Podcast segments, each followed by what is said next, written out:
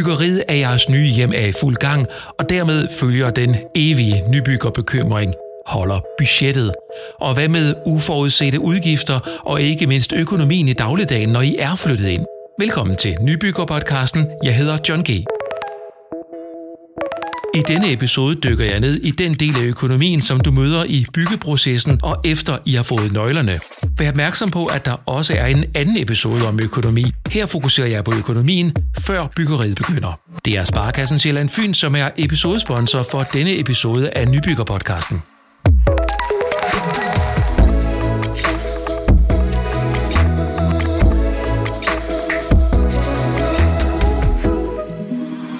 Og jeg er taget til Køge og sidder her sammen med Nikolaj Frimand, som er områdedirektør i Sparkassen Sjælland Fyn. Og tak fordi jeg måtte komme endnu en gang. Jamen, velkommen John. Tak skal du have.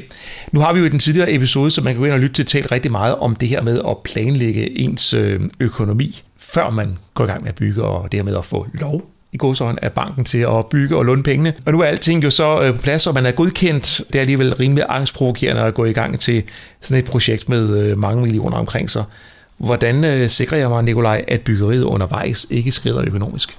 Jamen, der vil jeg sige, der vil jeg spole lidt tilbage til, til lidt før i processen, hvor man er, altså, når man laver kontrakten med byggefirmaet, få, få handlet så meget af de der uforudsete ting af som overhovedet muligt. Øh, måske få lavet fast pris på det, du kan, øh, bortkørsel, jord, ekstra fundering. Øh, og så igen, de ting, som er uforudsete, det er, kan være køkken, bryggers, øh, hårde hvidevarer og sådan nogle ting. Så tidligt i processen som overhovedet muligt, komme ud og få snakket med nogle byggen, køkkenfirmaer og få, få styr på, hvad er det, jeg ønsker mig, og hvad koster det. Så, og så vil der sikkert altid komme noget alligevel, for der vil komme noget undervejs med kontakter og andre ting, man godt kunne tænke sig, andre løsninger.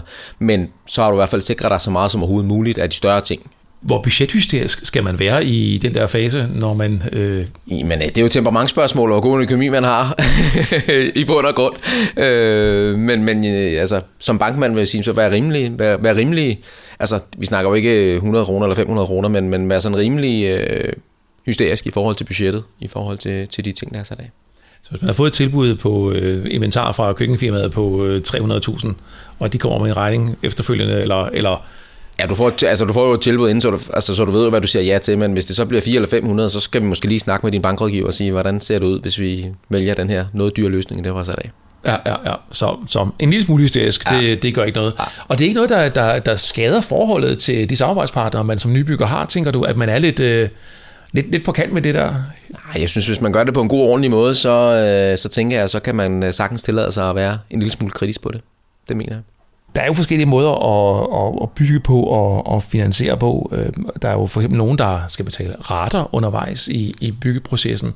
Øh, hvordan forholder I jer til det, hvis øh, byggefirmaet kommer og siger, Nå, nu er der støbt fundament, nu skal vi lige have en bid af kagen? Ja, altså det, det er jo, alt det her det er jo noget, vi forholder os til, når vi godkender projektet, altså inden man går i gang. De store byggefirmaer, der vil det være øh, nøgle, altså nøglefærdigt, hvor du, hvor du først betaler ved, ved nøgleoverdragelse, og man hjemtager den endelige finansiering, øh, når huset er færdigt.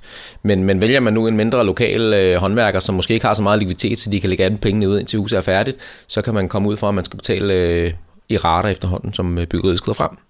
Og det betyder jo så også, at så skal man også styre på finansieringen noget tidligere i processen. Og der er sådan ligesom to veje, man kan gå. Man kan sige, at enten så skal vi have en øh, byggekredit på et eller andet beløb, hvor vi trækker løbende fra, og så når vi er helt færdige, så hjemtager vi realkreditlån og indfrier det. Og alternativt, så kan man tage det, det forhåndslån, hvor man får vurderet projektet, og så hjemtager man de der 80% i realkreditten med det samme. Så stiller pengeinstituttet en garanti over for realkreditinstituttet, at huset nok skal blive færdigt, men det koster også nogle penge, plus at man jo så har ydelserne og renterne på hele lånet fra start af. Det er ligesom de veje, der er, og det skal man ligesom forholde sig til. Men så har du også sikret din altså renterisikoen ved at tage hjem til at låne med det samme, så der går ikke et halvt år, før du får, og ved, hvilken rente du får. Nej, men renten kunne jo også falde jo. Det kunne den også. Men det kan gå begge veje jo. Det, det er der ingen tvivl om. men men I, I tager vel ikke og lægger de her penge ud gratis, trods alt? Altså, der er jo også nogle omkostninger det, forbundet det vil der være. Det vil der være, ja. Altså typisk så, hvis man skal stille sådan en forhåndslånsgaranti for et helt realkreditlån over for kreditforeningen, hvis man hjemtager det med det samme, så er det cirka 2% øh, det koster øh, i garantiprovision. Så det, det, det er en ekstra byggeudgift, som kommer oven i projektet man skal være opmærksom på, hvis man, hvis man vælger den der rette model. Ja, og ja. hvis man vælger den øh, nøglefærdige model, så er det byggefirmaets øh, bank, der skal finansiere det. Ja, så, by, så, så er det byggefirmaet, der finansierer De har måske så meget likviditet, så det ikke er noget problem. Hvis der undervejs i byggeprojektet kommer store uforudsete udgifter, hvad gør man så? så skynder man sig at ringe ned og snakke med sin øh, bank. og, og, og, og snakke om, hvad er det, der er gået galt, hvorfor er det gået galt, og hvordan kan vi løse det her. Det, det vil være min helt klare anbefaling. Så man skal ikke sidde og putte med det? Man skal ikke gemme det til sidst og sige, ved du hvad, vi, vi, det går nok, og så ser vi til sidst, hvordan det ser ud, og så tager vi den der.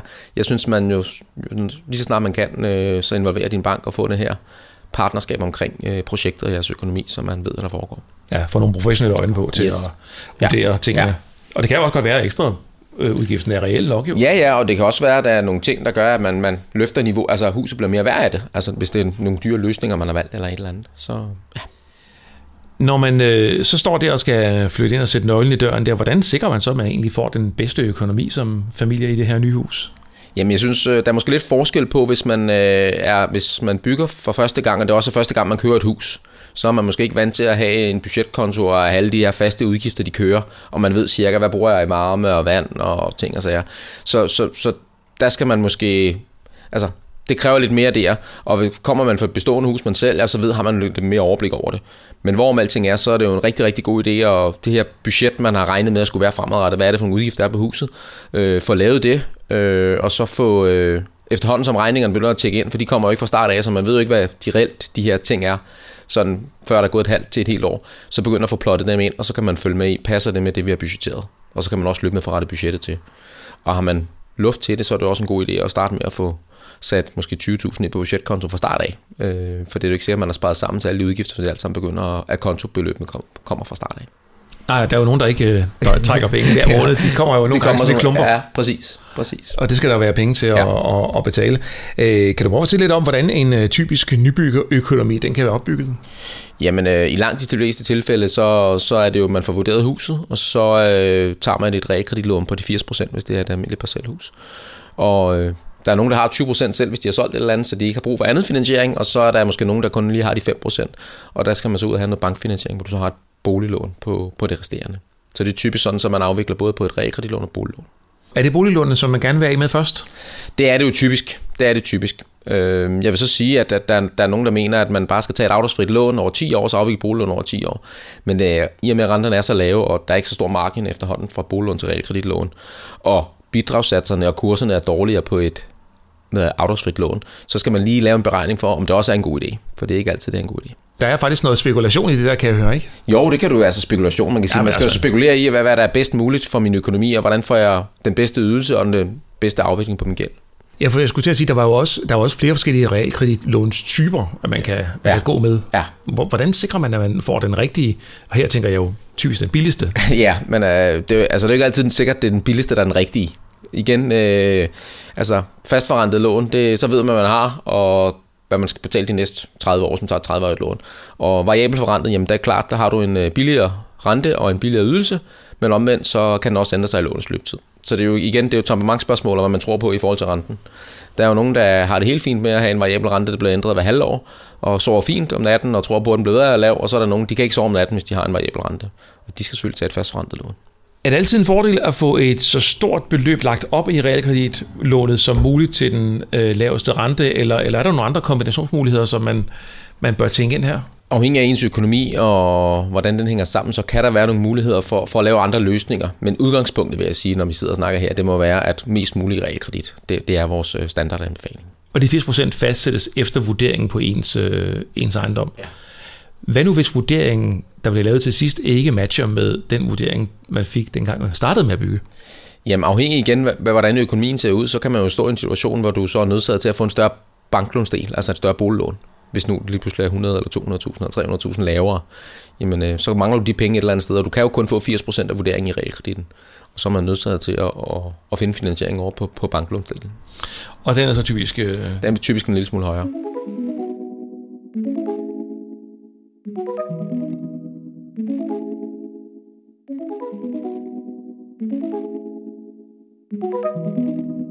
Det nye projekt, man nu har færdigt, så skal man også forholde sig til andre nye ting, der jo pludselig dumper ind, at den her ejendom jo også skal have nye forsikringer. Jamen altså, vi gør selvfølgelig kunderne opmærksom på, at, at man lige skal huske, at en ting er, at altså byggeriet skal være forsikret undervejs, så man måske selv kan være forsikret, hvis man er medbygget en eller anden slags. Men vi gør selvfølgelig også kunden opmærksom på, at, at man lige skal huske, at når man så flytter ind, så skal man lige huske at tegne en husforsikring. øh, typisk hvis man bygger med det i de store, der, så, så, er, øh, så er byggeriet jo forsikret undervejs, men når du får nøglerne, så skal du selv stå for forsikre det fremadrettet. Det skal man lige huske. Hvad er jeres erfaringer inden for forsikringer generelt? Er, er, det, er det billigt at komme i hus med forsikringer til et nyt hus, eller... Ja, altså man kan sige, at ofte er det jo billigere at forsikre et, et helt nyt øh, lækkert øh, parcelhus øh, frem for måske et ældre hus øh, i flere plan eller et eller andet. Altså der, der, er, der er priserne lidt højere, end, end det er på et helt nyt etplans parcelhus. Det, det er sådan min erfaring. Og det er så fordi risikoen for... Ja, for at der sker et eller andet, den er, den er, den er større på, på et gammelt hus. Og der er også lidt garanti på det nye hus, jo typisk. Det er det også. Man ringer ja. til nogen, når noget går galt. ja. Inden man ringer til, øh, til forsikringen.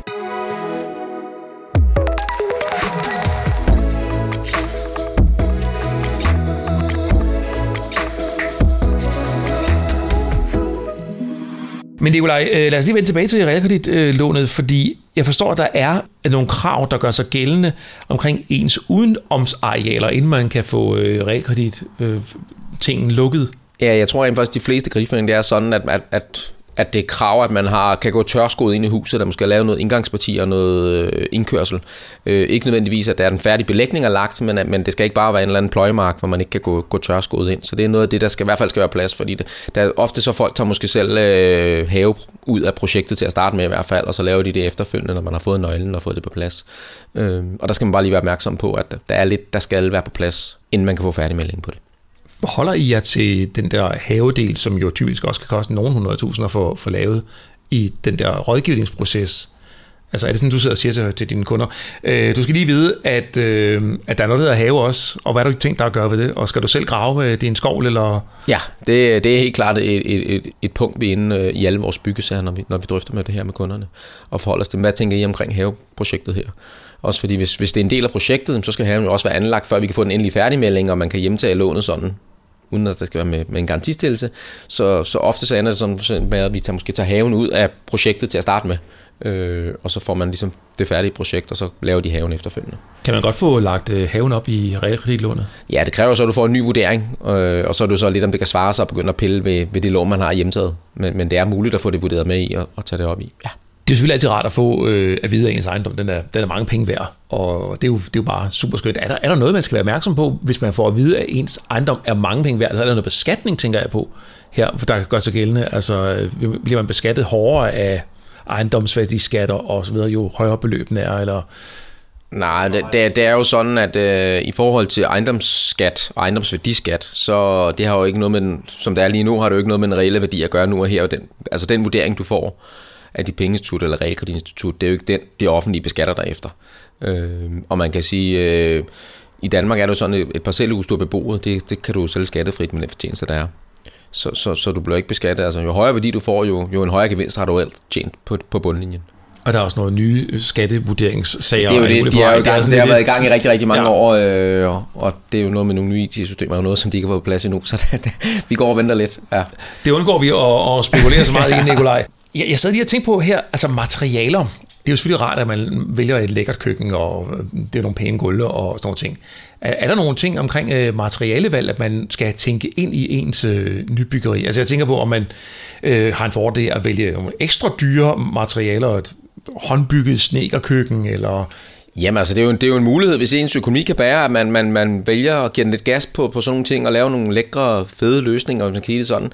Øh, man skal måske bare ikke altid forvente, at man får det ene til en igen. Altså, hvis, hvis du vælger et køkken til 300.000 eller for 100.000, så er det ikke sikkert, at du får en værdiforøgelse på de 300.000. Øh, og man skal måske også tænke over, om, altså, hvis man laver lidt for specielt, om, om det er så en lidt mindre skare, hvis man en dag står og skal sælge det, der kunne være interesseret i. Altså, så, så det der med at specialdesigne sit hus til sådan et rigtigt egoisthus? Ja, altså det, det kan jo være, være, være super lækkert for en selv, og det kan da også godt være, at man kan finde nogen, der synes, det er lige så fedt, men, men hvis man sådan bredt skal ud og sælge det en dag, så kan det jo godt være, at det bliver lidt sværere at sælge, hvis det er meget specielt bliver det så ikke bare mega, mega, mega kedeligt? Altså, vi får det er der nogen, der, masse, ikke? Det er der, der nogen, der vil sige. Det er der nogen, der vil synes.